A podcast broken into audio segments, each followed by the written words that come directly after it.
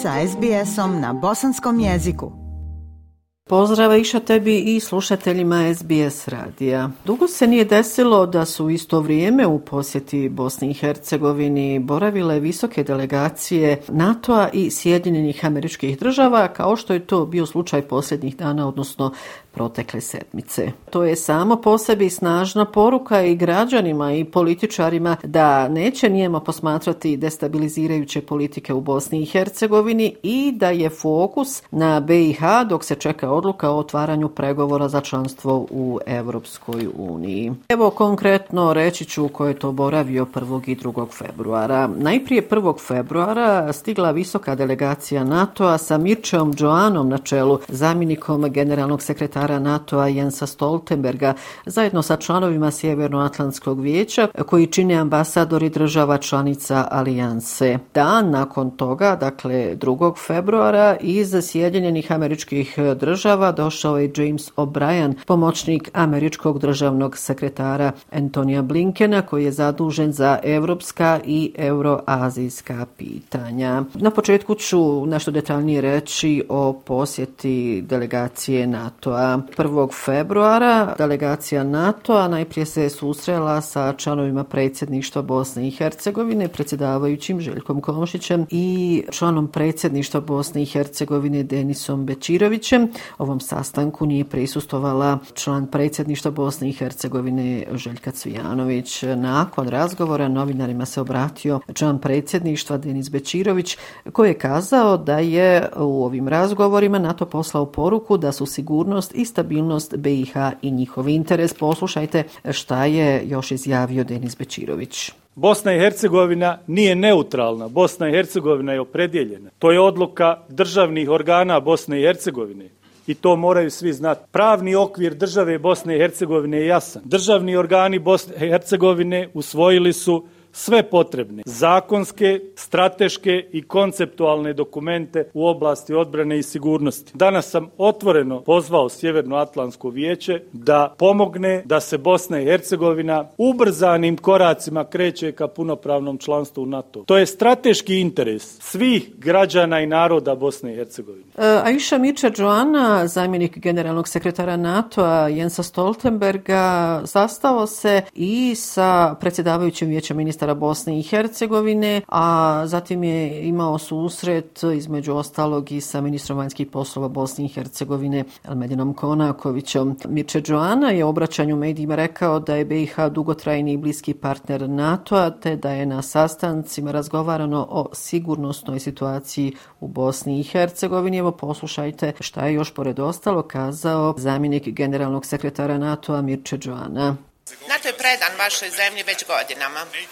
Podržava vaša reformska nastojanja, uključujući i kroz naš paket za izgradnju odbrbenih kapaciteta. Pomažemo vam ojačati vaše sposobnosti u oblastima kao što su upravljanje vanrednim situacijama, sajber odbrana i borba protiv terorizma. Te reforme čine Bosnu i Hercegovinu otpornijom i sigurnijom. Ministar vanjskih poslova Bosne i Hercegovine, Elmedin Konaković, rekao je da je osnovna poruka susreta da, da je NATO nepokolebljiv pristali pristalica suvereniteta i teritorijalnog integriteta Bosne i Hercegovine. Poslušajte i Almedina Konakovića.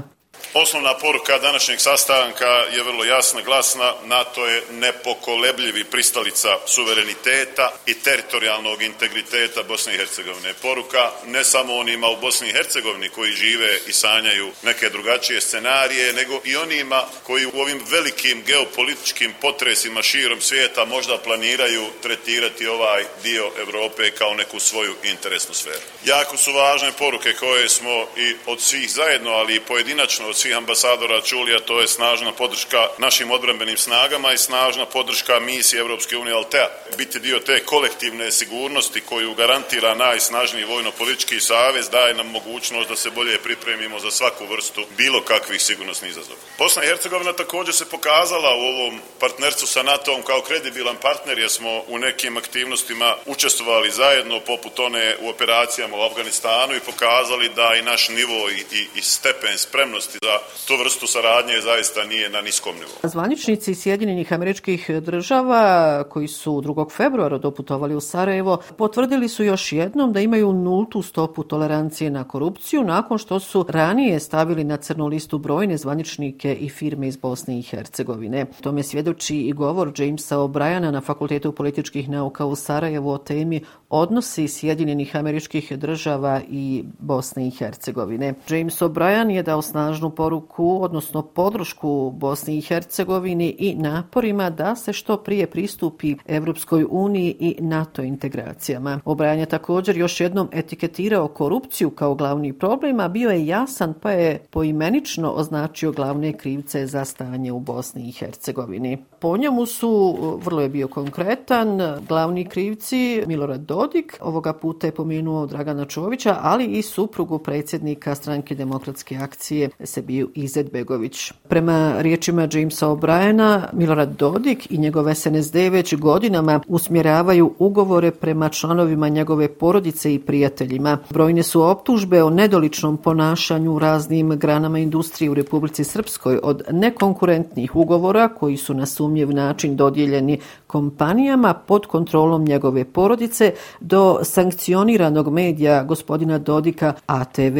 To su reči Jamesa O'Briana. Također, on je kazao da u energetskom sektoru vidi da lider HDZ-a BiH Dragan Čović blokira južnu interkonekciju, odnosno plinovod prema Hrvatskoj. Prema riječima Jamesa O'Briana, Čović bi da zamijeni operatera sistema prijenosa etabliranu kompaniju u vlasništu federacije koja ima tehničku ekspertizu, resurse i projektnu dokumentaciju za izvedu projekta. Trenutno nepostojećom kompanijom koja bi bila pod njegovom kontrolom i za njegovu političku i financijsku korist. To je cinizam i protiv je javnog interesa, kazao je James O'Brien.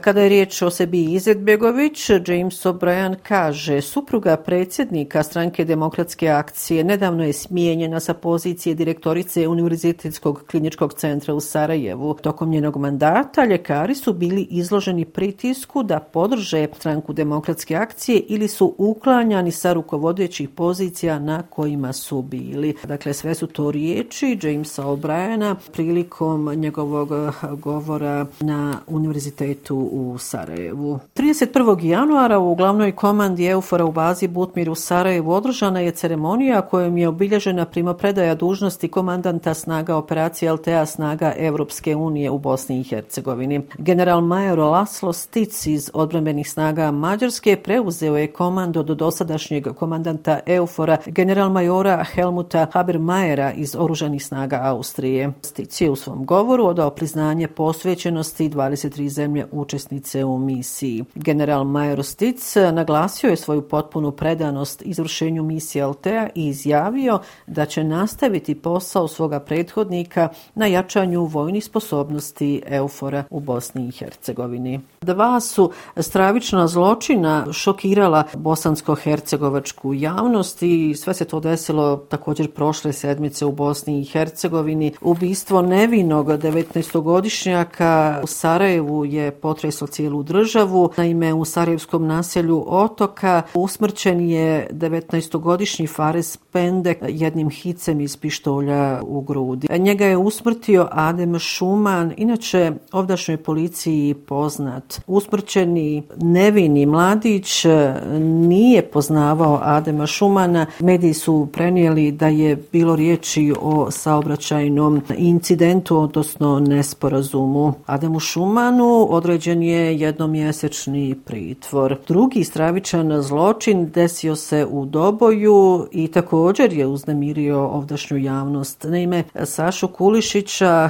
svirepo je ubila njegova supruga zajedno sa svojim ljubavnikom. Muškarac je brutalno ubijen, a njegovo tijelo je pronađeno golo vezano za drvo. i njegovoj supruzi i ljubavniku također je određen jednomjesečni pritvor, ali kako rekoh Aisha, nakon ova dva stravična zločina, ovdje se postavlja hiljadu pitanja da li je moguće da se sve to dešava u Bosni i Hercegovini i da su američki scenariji najgorih trilera jednostavno se preselili evo ovdje na gradske ulice i u gradove Bosne i Hercegovine. Ovim informacijama završavam ovo sedmično javljanje iz glavnog grada Bosne i Hercegovine. Još jednom Maiša tebi i slušateljima SBS radija upućujem lijepe pozdrave iz Sarajeva. Toliko od Semre Duranović-Koso. Like, share, comment. Pratite SBS Bosnian na Facebooku.